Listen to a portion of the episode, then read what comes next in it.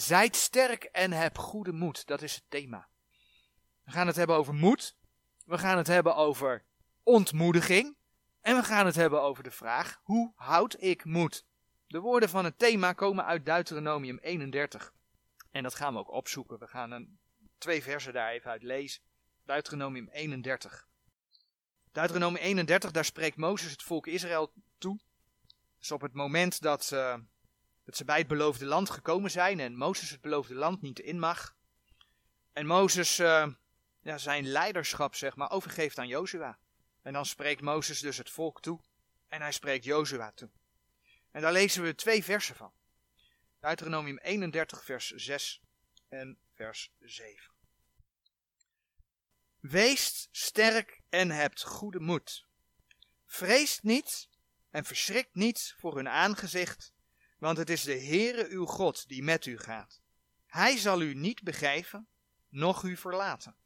En Mozes riep Jozua en zeide tot hem voor de ogen van het ganse Israël, Zijt sterk en heb goede moed, want gij zult met dit volk ingaan in het land dat de Heere hun vaderen gezworen heeft hun te zullen geven.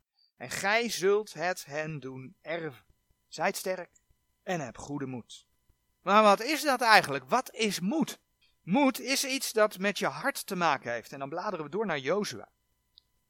Jozua 2. Jozua 2 vers 11. Jozua had twee verspieders het beloofde land ingestuurd. En ze waren in Jericho gekomen. En daar waren ze in het huis van Rahab terechtgekomen. En de koning van Jericho die wilde die twee oppakken. En dus uh, verborg Rahab die twee verspieders in haar huis. En als Rahab met die verspieders aan de praat is, dan zegt Rahab het volgende wat je in, in vers 11 leest. Dat is de ervaring van het volk die gehoord heeft over Israël die ja, naar hun land is gekomen. En dan vertelt Rahab in vers 11 van Jozua 2, als wij het hoorden, zo versmolt ons hart. En er bestaat geen moed meer in iemand vanwege uw lieder tegenwoordigheid. Want de Heere uw lieder God is een God boven in de hemel en beneden op de aarde. Een soortgelijk vers vind je in, ook in Jozua 5 vers 1. Dus ze hadden gehoord over het volk Israël. En die God die die grote dingen gedaan had, hun hart was versmolten, lees je dan. En het feit dat dat hart versmolten was, dat leidde ertoe dat ze geen moed meer hadden. Ze hadden geen moed meer. Nou, wat is dat hart ook alweer? Het hart, en dan bladeren we naar Psalm 64, het hart is het binnenste van de mens. Psalm 64. Het hart is het binnenste van de mens, daar waar de overleggingen plaatsvinden. En in Psalm 64, dat is een psalm die gaat over boosdoeners, dan lezen we in vers 7 over die boosdoeners het volgende. Zij doorzoeken allerlei schalkheid, ten uiterste doorzoeken zij wat te doorzoeken is, zelfs het binnenste eens mans en het diepe hart. Zo spreekt de Heer bijvoorbeeld in Genesis 6 vers 5 over het gedichtsel der gedachten zijns harten. Dus dat hart heeft te maken met ja, de overleggingen, te maken met je innerlijke leven, te maken met je gedachten. Hoe je over jezelf, hoe je over anderen denkt. Kun je ook afleiden, en we gaan die teksten nu niet opzoeken, afleiden uit teksten als 1 Korinthe 7 vers 37 en 2 Korinthe 9 vers 7. Nou, dat hart dat staat van nature onder de overste van de macht der lucht. Efeze 2 spreekt daarover. Efeze 2 vers 2 en 3. En dan is het ook niet verwonderlijk dat Jeremia 17 vers 9 zegt dat het hart van nature arglistig is. Maar als wederomgeborene, en dat tekst die tekst zoeken we wel op, gelaten 4 vers 6. Als wederomgeborene mag je weten dat juist in dat hart de Heilige Geest is uitgezonden. Galaten 4 vers 6. En overmits gij kinderen zijt, zo heeft God de geest zijn zoons uitgezonden in uw harten die roept, Abba, Vader. Dus als je tot geloof gekomen bent, is het de Heilige Geest die in je hart woont. Nou ja, en daarom is het ook zo van belang om als gelovige met de dingen van de Heer bezig te zijn. Zodat je ook vervuld bent met de Geest, want dat is wat anders hè. Dat je vervuld bent van Hem. Want als je niet vervuld bent van, uh, van Hem, dan geef je eigenlijk ruimte voor andere dingen. Dan kom je terug bij dat oude hart. Heel belangrijk om daarop gericht te zijn. Dat je vervuld bent met de Heer. Het feit dat we niet altijd vervuld zijn, leidt er ook toe dat we soms foute keuzes maken. Mogen we beleiden, maar feit is dat we af en toe foute keuzes maken. Ja, en daardoor kent ons hart ook strijd. Nou, de mensen van Jericho, die was het hart versmolten, omdat zij van de grote daden van de God van Israël gehoord hadden. De grote daden die God gedaan had bij de uittocht uit Egypte. Hun hart was versmolten en ze hadden geen moed meer. Dus moed heeft met die conditie van dat hart te maken. Als je moed hebt, dan ben je sterk. Sterk in je hart. Als je moed hebt, dan ben je niet bang. Als je moed hebt, dan durf je dingen. Als je geen moed hebt, dan is je hart versmolten. Dan ben je bang. En dan durf je niets te doen. Moed en geen moed tegenover elkaar. Het hebben van moed om iets te doen is op zichzelf niet altijd een goed teken. Ik bedoel, de mensen in Jericho die waren geen onderdeel van het volk Israël. Laat staan dat ze een kind van God was. Hè. Dat kwam in het hele Oude Testament natuurlijk nog niet voor. Maar ik bedoel maar even. Moed was, in, was, was, was hun. Die, die hadden ze niet meer. Ze hadden geen moed meer. Maar ze waren geen kind van God. Ze waren geen deel van Israël. En zo kan iemand vanuit het vlees heel veel moed hebben om slechte dingen te doen. Ja, vlees kan je ook tot dingen aanzetten. Dingen die niet tot eer van de Heer zijn. En het mooie is, als je naar de tekst kijkt, die we dus vanmorgen als uitgangspunt hebben, Deuteronomium 31, eh, vers 6 en 7. Als je in, in die versen kijkt, dan spreekt de Heer over goede moed. Zijt sterk en heb goede moed. Ik bedoel, er is ook een moed die niet goed is. We hebben net Psalm 64 gezien, vers 7. We gaan vers 6 gaan we, gaan we ook lezen. Over die boosdoeners. En wat doen die boosdoeners? Psalm 64, vers 6. Zij sterken zichzelf in een boze zaak. Zij houden spraak van strikken te verbergen. Zij zeggen, wie zal ze zien? Lijkt de politiek wel, hè? Maar daar hebben we het nu niet over.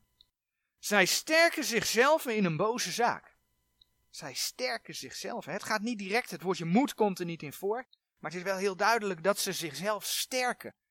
En de Heer zegt, zijt sterk en heb goede moed. Alleen zij doen het wel in het verkeerde.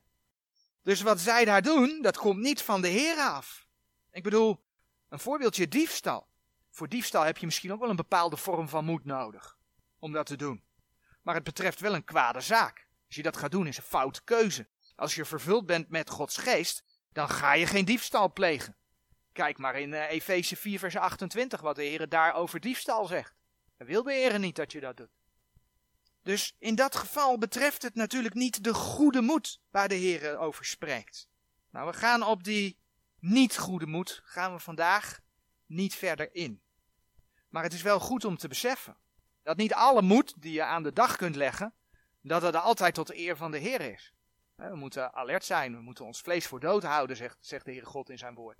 Dus het is goed om daar alert op te zijn. Moed, en dan bladeren we naar Psalm 27. Moed moet dus gebaseerd zijn op Gods kracht. En niet op de eigen mogelijkheden van de mens. Toen we bij het thema hoe kan ik beslissingen maken hebben stilgestaan, hebben we ook gekeken naar Psalm 27, vers 14. En uh, in dat vers staat dat het goed is om te wachten op de Here. Het is goed om te leren om geduld te hebben. Maar laten we dat vers nogmaals lezen. Psalm 27, vers 14. Wacht op de Heere, zijt sterk, en hij zal uw hart versterken. Ja, wacht op de Heere. Als je sterk bent, omdat je op de Heere wacht, dan staat daar dus dat hij je hart versterkt. Dan is het dus geen eigen moed. Eigenlijk zoals het eerste vers van die psalm zegt. De Heere is mijn licht en mijn heil, voor wien zou ik vrezen? De Heere is mijn levenskracht, voor wien zou ik vervaard zijn? Voor wie zou ik verschrikt zijn? Als christen kun je dus sterke moed in de Heere hebben. Nou, als gelovige kun je de Heere bidden, met de Heere leven en, en je kunt Bijbel lezen en toch zie je dan dat er soms allerlei zaken zijn die je in beslag kunnen nemen. Zaken die je kunnen ontmoedigen. Dingen die op je afkomen. Zaken die je hart kunnen laten versmelten. Ja, en dan kun je denken aan hele alledaagse dingen. Je kunt denken aan tegenslagen. Je kunt denken aan uh, het doen van werk voor de heren. Je kunt denken aan ontmoediging in, in je relatie met de heren. En vaak zijn dat omstandigheden in je leven die je kunnen ontmoedigen. Paulus werd op een gegeven moment, bladeren we naar handelingen, handelingen 27, als gevangene met een schip naar Rome gebracht. En wat gebeurt er? Er steekt een storm op. En in handelingen 27, vers 20, lezen we daarover. En alsnog zon, nog gesternte verschenen in vele dagen. En geen klein onweder ons drukte. Zo werd ons voorts alle hoop van behouden te worden benomen. Nou, dat gaat natuurlijk niet over het eeuwig behoud in dit vers. Want dat zal Paulus niet gezegd hebben. Dit gaat over het feit of ze die reizen wel zouden overleven. En als nog zon, nog gesternte verschenen in vele dagen en geen klein onweder ons drukte, zo werd ons voorts alle hoop van behouden te worden benomen. Het werd ze ontnomen, de moed zonk hen in de schoenen. Bladeren we terug naar nummer 21, het volk Israël. Het volk Israël werd door de Heere gevoed in de woestijn. Ze kregen van de Heere het manna. En wat gebeurt er dan? Ze klagen over dat brood, nummer 21, vers 5. Ze noemen dat het lichte brood. En kijk wat er in nummer 21, vers 4 staat. Toen reisden zij, eh, en dat lichte brood, dat komt in nummer 21, vers 5 voor. En dan lezen we het verse voor. Toen reisden zij van de berg Hor op de weg der Schelfzee, dat zij om het land der Edomieten heen togen. Doch de ziel des volks werd verdrietig op deze weg. Ze werden verdrietig door de weg die ze gingen. Ze werden verdrietig door het pad dat ze gingen. Ze klaagden dat er geen brood was, terwijl ze walgden van het manna. Als je voorstellen dat de Heer ze eten heeft gegeven en ze walgden ervan. Maar dan moet je even vertalen naar, ons, naar onszelf. Want de Heer geeft ons soms dingen en er zijn momenten dat wij ook klagen, niet tevreden zijn. Hoe vaak zijn de dagelijkse omstandigheden voor ons een reden om te klagen of in elk geval de moed te verliezen? De dingen die we meemaken. Soms een storm die door ons leven trekt. Een storm door de wereld, hè, allerlei crisis en oorlog. Nou, het komt wel op mensen af. Dat kan je benauwen, als je daarop gericht bent. Maar ook tegenslag en moeite in ons privéleven. Een andere reden waardoor we ontmoedigd kunnen raken is ongeloof. Dan bladeren we opnieuw naar Deuteronomium. Alleen dan nu hoofdstuk 1. Ongeloof. Toen het volk Israël op het punt stond om het beloofde land in te trekken, vertelde Mozes het volk ja, de dingen die ze hadden meegemaakt. Eigenlijk ook als les, zeg maar. Over het feit dat Israël weerspannig was, maar dat God voor ze zorgde. God zorgde voor ze. Dus het ging om de boodschap dat de Heer ze geleid had. En het volk had bijvoorbeeld de belofte gekregen, zoals verwoord in vers 21 van Deuteronomium 1. Zie de Heere, uw God, heeft dat land gegeven voor uw aangezicht. Trekt op, bezit het erfelijk, gelijk als de Heere, uw vadere God, tot u gesproken heeft. Vreest niet en ontzet u niet. Kregen heel duidelijk een opdracht, ga dat doen en wees niet bang. Hij heeft het jullie gegeven. Nou, zo vertelde Mozes in dat hoofdstuk ook, dat hij op verzoek van het volk overigens, twaalf verspieders het land instuurde. Om dat land te verkennen, dat lees je in vers 22. Maar het resultaat daarvan is dat het volk bang werd. Het volk werd bang, luisterde niet meer naar de Here. Vers 26. En dan lezen we in vers 28 van Deuteronomium 1. Waarheen zouden wij optrekken? Onze broeders hebben ons hart doen smelten. door het klagen ging hun hart smelten. Zeggende, het is een volk groter en langer dan wij. De steden die zijn groot en gesterkt tot in de hemel toe. Ook hebben wij daar kinderen der Enakieten gezien. Enakieten, dat waren de reuzen. Hun hart was versmolten. En dan lezen we in Deuteronomium 1 vers 32. En God had die belofte gegeven. Maar door dus naar de omstandigheden te kijken, smolt hun het hart. En geloofden ze Gods boodschap, Gods belofte niet meer. Kijk maar in vers 32. Eh, maar door dit woord gelooft het gij niet aan de Heere uw God. Ongeloof. Dus omstandigheden in het leven, ongeloof, maar dan komt hij. Ook hoogte in je eigen geloof. Als je zeg maar boven op de berg bent, kunnen ervoor zorgen dat je ontmoedigd raakt. En dat klinkt misschien heel vreemd, Maar de Bijbel geeft er diverse voorbeelden van en we willen er één opzoeken in één Koningen. Dat gaat over Elia. Elia heeft een grote overwinning behaald op de profeten, de priesters van Baal. De, de priesters van Baal hadden vuur van de hemel gevraagd en het was niet gekomen. En Elia bad en het kwam wel. En toen kwam het volk tot inzicht dat de Heere God was. In 1 Koningen 18 vers 39 lees je. Als nu het ganse volk dat zag, zo vielen zij op hun aangezicht en zeiden, de Heere is God, de Heere is God. Als je ziet wat de Elia daarna doet, hij maakt een eind aan de Baalverering, dan was dat een hoogtepunt voor Elia. Maar dan komt hij, het volgende hoofdstuk, hoofdstuk 19, is slechts een paar versen verder. Dan hoorde Elia dat Izebel boos geworden was. En toen smolt zijn hart en toen zei hij, O Heere, laat me alstublieft sterven. Kijk maar in vers 4 van 1 Koningen 19. Maar hij zelf ging heen in de woestijn een dagreis en kwam en zat onder een jeneverboom en bad dat zijn ziel stierven. En zeide, het is genoeg, neem nu Heere mijn ziel, want ik ben niet beter dan mijn vader. En zo zijn er meer voorbeelden in de Bijbel te vinden. Maar op het moment dat je iets voor de Heere mag doen, mag je weten dat de vijand ook in actie gaat komen. Dan mag je weten dat er tegenslag gaat komen. En weet je, als je dan niet op de overwinningen ziet, maar op de tegenslag gaat kijken, als je dan op de storm gaat letten, dan gaat je hart smelten. Dan ga je in de piepzak zitten, want dan raak je ontmoedigd. En dan is de ontmoediging daar. Nou, als we denken aan de tekst van vandaag, ik als uitgangspunt zeg maar gelezen heb, Deuteronomium 31 vers 6 en 7, dan is het dus niet de bedoeling om ontmoedigd te raken. Want de Heer zegt, zijt sterk en heb goede moed. Ja, en dat begint met te blijven vertrouwen dat de Heer alle dingen in zijn handen heeft. Het volk Israël was door de Rode Zee geleid. Het volk Israël kreeg te eten. Het volk Israël kreeg te drinken. In die woestijnreis. God zorgde voor ze. Maar toen ze op de reuzen zagen, toen versmolt ze het hart. Dus op de reuzen te zien, zagen ze niet op de Heer. Op alles wat hij al voor hen gedaan had. De Heer had hen de belofte gedaan om het land erfelijk te bezitten. En de opdracht gegeven, we hebben het gelezen in Deuteronomium 1 vers 21, vrees niet en ontzet u niet. Dus als, de, als het volk op de Heer vertrouwd had, dan had de Heer hen dat land gegeven. Ondanks de reuzen. Dan hadden ze niet nog eens 40 jaar door die woestijnen hoeven te zwerven. En dat geldt ook vandaag. Vertrouwen op de Heer.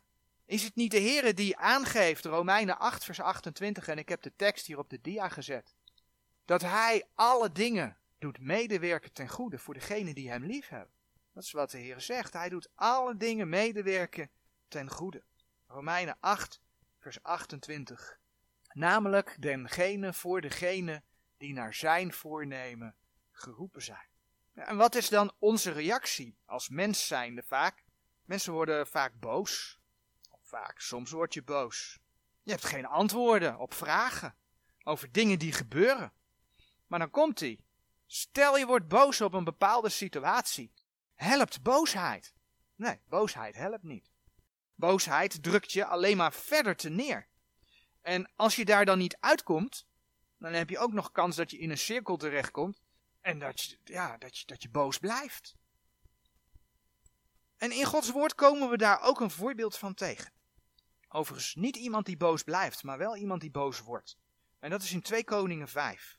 En dat gaat over Naaman de Syriër. Naaman de Syriër, die was melaats. En hij was dus ziek en hij kreeg te horen dat er in Samaria een profeet was. En dat betreft de profeet Elisa. En die zou hem kunnen genezen. Nou, Naaman die gaat dan naar Samaria toe, naar Israël toe. En die komt bij het huis van Elisa. En wat gebeurt er dan? Elisa ging niet zelf naar buiten, maar Elisa die stuurde een bode. Een boodschapper. En via die boodschapper kreeg Naaman de opdracht om zich zevenmaal in de Jordaan te gaan wassen. En als hij dat zou doen, dan zou hij beter worden. En kijk wat er dan met Naaman gebeurt. 2 Koningen 5 vers 11 en 12. Maar Naaman werd zeer toornig en toog weg en zeide, zie, ik zeide bij mijzelf, hij zal zekerlijk uitkomen en staan en de naam des Heeren zijn Gods aanroepen en zijn hand over de plaat strijken en de Melaatse ontledigen? Zijn niet Abana en Farpar, de rivieren van Damascus, beter dan alle wateren van Israël? Zou ik mij in die niet kunnen wassen en rein worden? Zo wendde hij zich en toog weg met grimmigheid. Nou, Aman had zich allerlei dingen voorgesteld hoe het zou moeten gaan. Hij had allerlei verwachtingen gehad. En wat zie je gebeuren? Zijn verwachtingen komen niet uit. En omdat zijn verwachtingen niet uitkomen, uitkwamen, ja, werd hij boos. Maar ja, zijn boosheid maakte hem niet beter. En dan is het, volgende twee versen, vers 13 en 14, dat zijn knechten erop hebben aangedrongen dat hij beter gehoor kon geven aan die opdracht, waardoor hij het wel deed en waardoor hij ook genezen was. Werd. 2 Koningen 5 vers 13 en 14, dan kun je dat lezen. Dus ondanks dat Gods weg soms anders gaat dan je denkt, word niet boos. Zeker niet op de Heer, want punt 1, het helpt je niet. Punt 2, als we ook kijken naar de opdracht die Naaman had gekregen. Ja, de Heer vraagt dat we naar hem, naar zijn woord luisteren. Um, en een opdracht die bijvoorbeeld in de eerste Petrusbrief staat. 5 vers 6. Daar zegt de Heer iets wat zeker in een moeilijke situatie heel moeilijk is. Maar de Heer zegt het wel. 1 Petrus 5 vers 6. Vernedert u dan onder de krachtige hand Gods, opdat hij u verhogen te zijner tijd. Vernedert u dan onder de krachtige hand Gods. Zo krijg je dus kracht van de Heer God, door gewoon nederig te zijn onder Hem. Blijf doorgaan op de weg die de Heer wijst. Wees gehoorzaam aan zijn woord. Hè? Naaman die werd gehoorzaam en die werd genezen. Zoals de profeet gezegd had. Daar kom ik straks nog op terug. Dat wil natuurlijk niet zeggen dat iedereen die nu doet wat er in de Bijbel staat, genezen wordt. Die belofte hebben wij niet. Maar in dit geval was het uitgesproken, woorden van God. Dus als Naaman gehoorzaamde, ja, dan komt uit wat God gezegd heeft. Een mooi voorbeeld van iemand die ook op de Heere bleef vertrouwen was de Sunamitische vrouw. En daarvoor bladeren we naar twee koningen. Vier. Dat is een hoofdstuk eerder dan waar we net zaten. Twee koningen 4. En het gedeelte van de Sunamitische vrouw vind je in 2 Koningen 4 vers 8 tot en met 37. We gaan daar zo een enkel vers uit lezen. De Sunamitische vrouw had ervoor gezorgd dat ze voor de profeet Elisa een, een kleine opperkamer gemaakt had. Zodat als Elisa langskwam, dat hij daar zich terug kon trekken, kon uitrusten. Nou, de Sunamitische vrouw had nog geen kind en Elisa mocht haar vertellen dat zij een kind zou gaan ontvangen. En, en het schriftgedeelte laat zien dat ze een zoon ontving. Maar dan op een dag gebeurt het dat die zoon stierf. Ja, dat zal een enorme schrik geweest zijn. Dat zal een enorm verdriet geweest zijn ook. Maar ondanks dat verdriet, wat deed die Sunamitische vrouw? Zij vertelde haar man dat zij de profeet Elisa ging opzoeken. En toen haar man vroeg waarom, moet je kijken wat zij tegen haar man zei in 2 Koningen 4 vers 23. 2 Koningen 4 vers 23, dan zegt zij, het zal wel zijn. Het zal wel zijn. En op het moment dat ze dan bij de profeet komt, en de profeet die laat naar haar vragen hoe het, hoe, die, die liet naar haar vragen hoe het met haar was. Kijk wat zij antwoordde. In uh, eh, 2 Koningen 4 vers 27. Sorry, vers 26. Nu loop toch haar tegemoet en zeg tot haar, is het wel met u? Is het wel met uw man? Is het wel met uw kind? En zij zeiden, moet je voorstellen, die vrouw is verdrietig. En dat ze verdrietig was, dat lees je in vers 27. Ze was echt wel verdrietig. De profeet zegt daar, want haar ziel is in haar bitterlijk bedroefd. Maar ondanks haar droefheid zegt ze, het is wel. Het is wel. Dat is nog eens een jezelf vernederen onder de krachtige hand Gods. Krijg je gewoon een voorbeeld van. Hoe vaak laat je je te neerdrukken door de omstandigheden, hè? wat die dan ook mogen zijn? Of, de andere kant, hoe vaak zeg je, ondanks de omstandigheden, het is wel, omdat je weet dat de Heere alle dingen doet medewerken ten goede, omdat de Heer ja, al je wegen in zijn handen heeft. En weet je, ik zeg het ook tegen mezelf. Want het is zo makkelijk om, om met je zorgen mee te gaan. Je gedachten daarover. En ja, je daardoor door zorgen te laten voeden. En het gevolg daarvan is je hart te laten versmelten. Dat ontneemt je dus de moed. Deze vrouw vertrouwde op de Heer, ondanks alles zei zij, het is wel. Ja, en dat is wel een situatie waar wij van mogen leren. Waar we naar mogen kijken als voorbeeld. Nu loopt, net als de geschiedenis van de Aman, ook deze geschiedenis goed af. Elisa mag van de Heer dat kind weer tot leven wekken. Dat lees je in 2 Koningen 4 vers 35. Maar wij leven niet in tijden van, uh, van profeten en apostelen. En ook in andere zaken, wat die zaken, wat die problemen, tegenslagen ook zijn, is het niet gezegd dat de Heer altijd handelt of leidt zoals wij soms verwachten. En toch mag je ook dan op de Heere vertrouwen en zeggen, het is wel. En ook daarvan vinden we een voorbeeld in de schrift. En dan bladeren we naar het boek Rut. De geschiedenis van Naomi, die wegens hongersnood uit Bethlehem weggaat. Naomi samen met haar man Elimelech en hun twee zonen. Die gaan naar Moab. En daar verblijven ze. En wat gebeurt er dan? In Moab komt haar man Elimelech te overlijden. De twee zonen die huwen met twee Moabitische vrouwen, Orpa en Rut. Maar als zij getrouwd zijn, dan gebeurt het dat ook die twee zonen sterven. Die zijn ook gestorven. En daarna lees je dan dat Naomi terugkeerde naar, naar Bethlehem. En na aandringen van Naomi dan, uh, kun je lezen dat, uh, dat Orpa achterbleef, maar dat Rut wel meeging naar Bethlehem terug. En in Rut 1 vers 16, bekende uitspraak van Rut. Daar lees je, maar Rut zeide, val mij niet tegen dat ik u zou verlaten, om van achter u weder te keren. Want waar gij zult heen gaan, zal ik ook heen gaan. En waar gij zult vernachten, zal ik vernachten. Uw volk is mijn volk en uw God mijn God. Maar dan lezen we in Rut 1 vers 20 en 21 het volgende over Naomi. Maar zij zeide tot haar lieden, noemt mij niet Naomi, noemt mij Mara, want de Almachtige heeft mij grote bitterheid aangedaan. Voltoog ik weg, maar ledig heeft mij de Heere doen wederkeren. Waarom zoudt gij mij Naomi noemen, daar de Heere tegen mij getuigt en de Almachtige mij kwaad aangedaan heeft? Wat we hier lezen is dat Naomi de Heere verweet van haar bitterheid. En dat was niet de eerste keer, in Rut 1 vers 13 lees je dat ook al. En dan komt hij, ja, de Heere laat soms dingen toe in de levens van mensen. En ja, als wij aan, aan Naomi denken op dat moment dat dat gebeurt, dan denken wij ook van zo, dat is, dat is, uh, dat is flink als je dat gebeurt. He, man en twee zonen overleden. Maar de Heer laat soms dingen toe. En laat soms dingen toe op de aarde. Ik bedoel, als we naar de nabije toekomst kijken, de grote verdrukking bijvoorbeeld is niet voor niets de periode van Gods toren die over de aarde gaat komen. En dat wil niet zeggen dat alles wat wij meemaken, dat dat met Gods toren te maken heeft. Hè? Maar waar het mij even om gaat, is dat die toren gaat komen. Mensen verwijten God vaak van al die ellende op deze aarde. Als God een God van liefde was, dan was er geen ellende. Nee, maar het is juist Gods toren. Dus God stuurt soms dingen. In dit geval dan de grote verdrukking, de toren. En soms laat God dus ook andere dingen toe in levens van mensen. Naomi was er dus bitter van geworden. En dat is in tegenstelling tot het voorbeeld wat we zojuist gezien hebben van de Sunamitische vrouw. Die ondanks de dood van haar zoon, ondanks haar verdriet zei, het is wel. Maar dat Naomi zo reageerde, dat heb ik net al gezegd, kunnen we ons menselijke wijs heel goed voorstellen.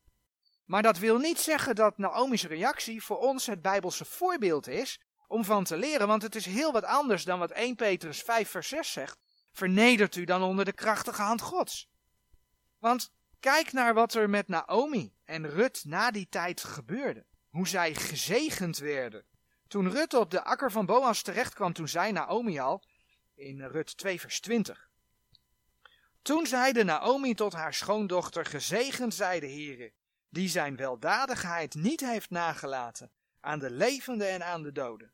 Voort zeide Naomi tot haar, die man is ons nabestaande, hij is een van onze lossers. Het gaat me natuurlijk even om het begin van het vers. Toen zeide Naomi tot haar schoondochters, gezegend zij hij de Heer, die zijn weldadigheid niet heeft nagelaten aan de levenden en aan de doden. En dan lees je dat Boas en Rut gaan huwen. En dan in Rut 4, vers 14 tot en met 15 lezen we dat er tegen Naomi gezegd werd. Toen zeiden de vrouwen tot Naomi, geloofd zij de Heere, die niet heeft nagelaten u heden een losser te geven, en zijn naam worden vermaard in Israël. Die zal u zijn tot een verkwikker der ziel en om uw ouderdom te onderhouden. Want uw schoondochter die u lief heeft, heeft hem gebaard, de welke u beter is dan zeven zonen. Wat voor ons mensen vaak moeilijk is, en dat lees je ook bij Naomi die verbitterd was geworden, is om over de situatie heen te kijken. En het is heel goed begrijpelijk in zo'n situatie. Maar de Heer laat wel zien dat we moeten proberen om er overheen te kijken. En we zien dus de zegen die, Rut, die Naomi en, en Rut daarna ontvangen hebben. De zoon van Obed, uh, de zoon Obed was de vader van Isaï. En Isaï was weer de vader van David. En daarmee, Matthäus 1 vers 5, is Rut notabene in het geslachtsregister van de Heer Jezus terechtgekomen. Zijn naam zal vermaard zijn. Nou, hij is in het geslachtsregister van de Heer Jezus terechtgekomen. Dat was nooit gebeurd als ze in Moab waren blijven wonen. Dit is een mooie geschiedenis van hoe de Heer alle dingen doet medewerken ten goede. Het is een eerlijke geschiedenis ook van verdriet. Want het was een feit dat Naomi verbitterd was. Maar hoe mooi was het geweest als Naomi had kunnen zeggen, net als de Sunamitische vrouw: Het is wel, want de Heer doet alle dingen medewerken ten goede. Want achteraf is dat dus wel gebleken. Oftewel, vertrouw de Heer ook als het niet gaat zoals je het zelf zou willen. Elia hebben we al even genoemd. Daar kom ik nog even op terug. Die na een grote overwinning op de Baalspriesters hè, de moed in de schoenen zonk omdat Izebel boos geworden was. Nou, Elia vluchtte in de eerste instantie. En uh, dan pakken we 1 Koningin 19 weer. Maar dan zie je dat de Heere hem te eten gaat geven. 1 Koningen 19 eh, vers 6 en 7. Maar ook bracht de Heer hem op een aparte plek waar hij eerst ook kon rusten. 1 Koningen 19 vers 9. Dus weliswaar een aantal dagen later. Maar het is wel mooi om te lezen dat de Heer hem na die geschiedenis te eten geeft en een plek geeft waar hij ook gaat rusten. Elia had blijkbaar eerst voeding en rust nodig en daarna kreeg hij opnieuw opdrachten van de Heer. Voeding en rust. En ik denk dat we dat ook geestelijk mogen uitleggen. Het is goed om soms te rusten.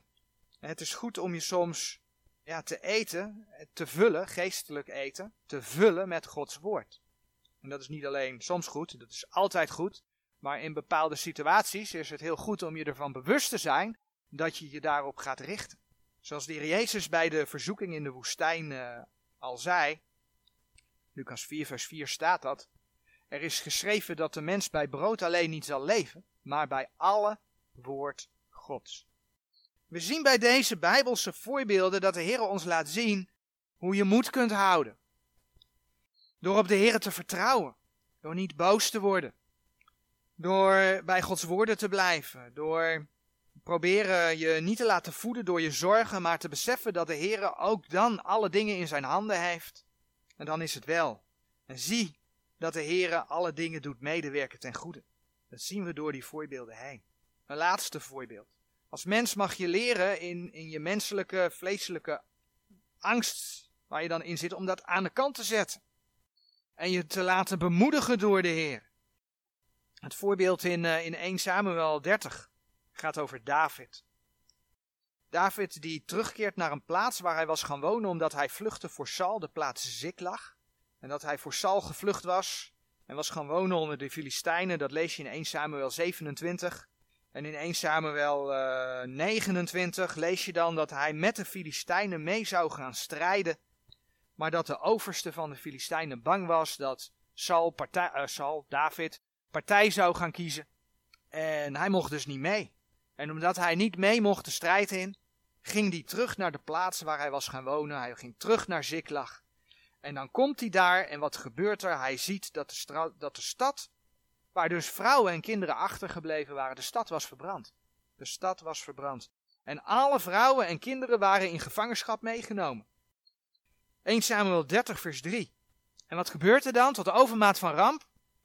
Hij komt daar terug met zijn mannen, ziet dat alles weg is. Maar ja, dus niet alleen alles van David is weg, ook alles van die mannen is weg. Dus wat gebeurt er? Ook de mannen keren zich tegen David. 1 Samuel 30 vers 6 en David wordt bang. 30 vers 6. En David werd zeer bange, want het volk sprak van hem te stenigen, want de zielen van het ganse volk waren verbitterd. een iegelijk over zijn zonen en over zijn dochters. Doch David sterkte zich in de Heere zijn God. David kon zijn mannen zelf niet helpen. Ja, David had zelf een probleem en zijn mannen ook.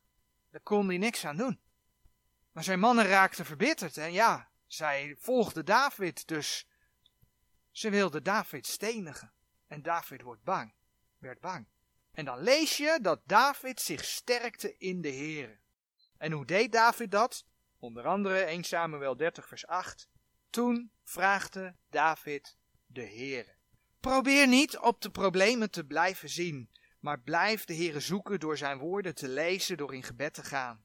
En als de omstandigheden het toelaten, probeer de samenkomst te bezoeken, om onder broeders en zusters te zijn. In 2 eh, Thessalonicense 2 vers 16 en 17.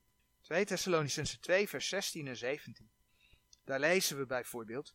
En onze Heer Jezus Christus zelf en onze God en Vader die ons heeft liefgehad en gegeven heeft een eeuwige vertroosting en goede hoop in genade. Vertroost uw harten en versterk u in alle goed woord en werk. Dit is een gebed. Een gebed om mensen te versterken. Om mensen te vertroosten. We mogen om vertroosting bidden. We mogen om versterking bidden. Dat mag je voor anderen doen. En dat mag je ook voor jezelf doen. Laat je vertroosten, versterken door de Heer. En nu hebben we allerlei omstandigheden gezien. Op wereldniveau, crisis, oorlog, maar ook dingen die privé raken. door middel van het volk Israël, eten en drinken. Moeite die ze meemaakt. Voorbeelden die gingen over ziekte, maar ook over sterven. Tegenslag die we tegenkomen. Mensen die zich tegen je keren. Er zijn allerlei situaties waardoor mensen tegenslag ervaren. Waardoor je moed nodig hebt om met de Here verder te gaan. Waardoor je je door de Here laat sterken. Maar moed en sterkte, die heb je in de dienst van de Heer ook nodig. Ik bedoel, dat geldt bijvoorbeeld ook als we gaan straatbreken. Straatbreken in het openbaar. Of gewoon traktaatjes uitdelen. En dan zeg ik gewoon traktaatjes uitdelen. Ga maar eens traktaatjes uitdelen. Ik denk dat de meeste mensen over een drempel heen moeten om dat te gaan doen. Waarom? Omdat je dan geconfronteerd wordt met mensen die daar tegen zijn. Mensen die in het vlees zijn en die de tong uitsteken. Noem maar wat. Je vlees vindt het ook moeilijk om dat soort dingen te doen. En dus heb je moed nodig. Heel simpel. Je hebt moed nodig en je hebt sterkte nodig. Niet uit jezelf, want dan ga je verkeerd bezig. Dan ga je uit je vlees bezig. Nee, je hebt moed en sterkte van de Heer nodig. En dan kun je in Gods kracht, met Gods moed, kun je gaan. En dat is iets waar je om mag bidden. Dus zo heb je allerlei omstandigheden, maar ook een andere situatie, waarin je moed nodig hebt. Goede moed.